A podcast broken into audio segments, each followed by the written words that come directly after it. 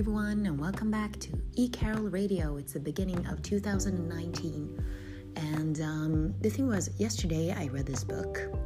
Uh, it was a, about a true story, actually, um, between a couple of writers that were madly in love with each other for like 60 years, but never got to be together because of different circumstances that were really like extremely tr- tragic. Um, it made me think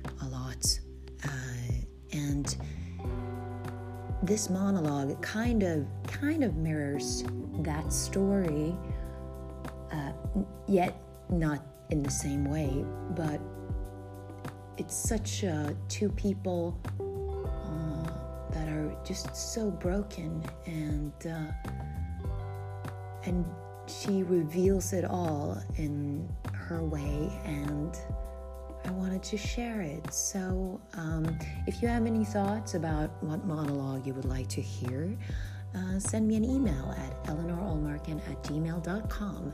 Enjoy!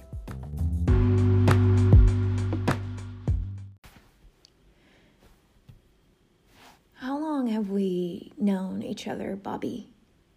20? 25 years? Since we were in that Miss Moosbrugger's first grade class together. Remember? We saw each other nearly every day, all the way up through high school. And if we didn't see each other for some reason, we'd talk on the phone for hours. You were my bestest friend, Bobby. The best ever.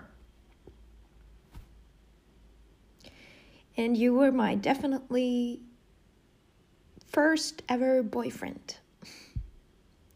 You gave me my first kiss. We were 12 and we thought it would be forever.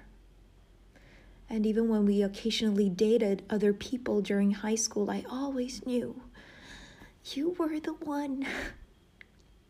Even when you broke up with me after our senior prom. It was just supposed to be that way. Everyone thought so. It was written in the stars, you said. Carolyn finally stands.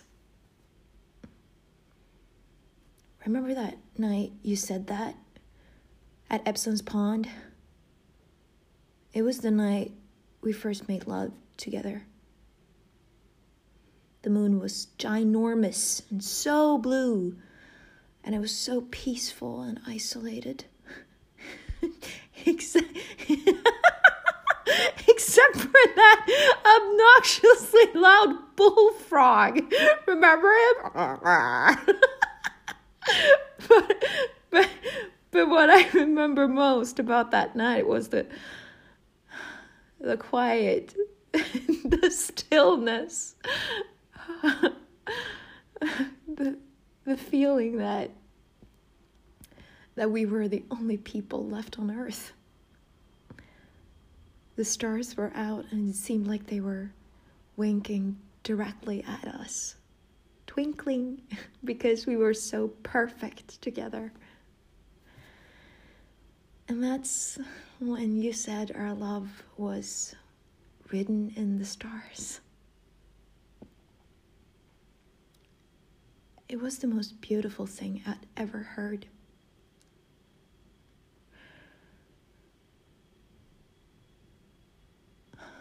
Still is. But somehow it all changed when we graduated. You went away to college, and I went to school close to home, and suddenly we hardly saw each other anymore. I called and wanted to visit you, but you were always so busy with school and other things, I guess. I, I, I tried to understand, but it was hard, Bobby. It's hard to love someone so long and so much, and then all of a sudden, that person you love with all your heart is not there anymore. It's. It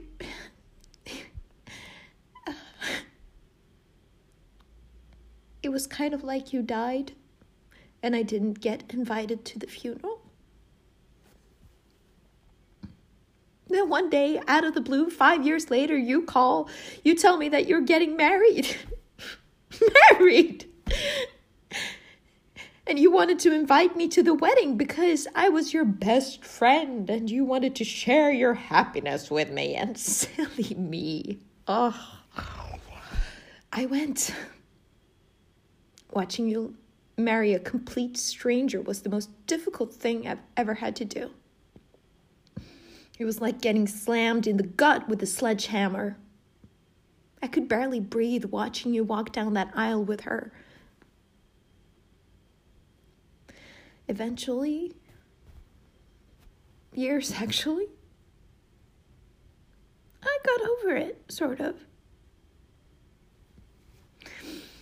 Time heals all wounds, they say, so over time. I had boyfriends, lovers, even a couple of longish relationships. But I never felt about them the way I feel about you, Bobby. Not even close. Because lurking in the background like an invisible 900 pound gorilla was the promise of you. Promise that our love was truly written in the stars, just like you said. Stupid me, I. Oh, I believed you. Well, we're all grown now, and I realize that things people say to each other when they're young and in love, no matter how heartfelt, are sometimes just fairy tales, beautiful lies. But here's the thing, Bobby time doesn't heal all wounds. Not really. It only numbs them to the point that sometimes we can forget about them for a while. That's all. And now, here you are again, in the flesh, all this time later. You've come back into my life telling me you still love me, have always loved me, that we can finally be together like it says in the stars, just like that. But these hearts, my heart, is a curious thing, Bobby. It's not just a collection of val- valves and pumps and hoses pumping blood through our bodies. It's just so much more than that. It's a repository for a lifetime of feelings, a memory bank of emotional traumas and triumphs buried deep inside of you. Out of sight, out of mind, maybe, but never forgotten. That's where our love is, Bobby buried deep. And the only thing it remembers now is the promise of you.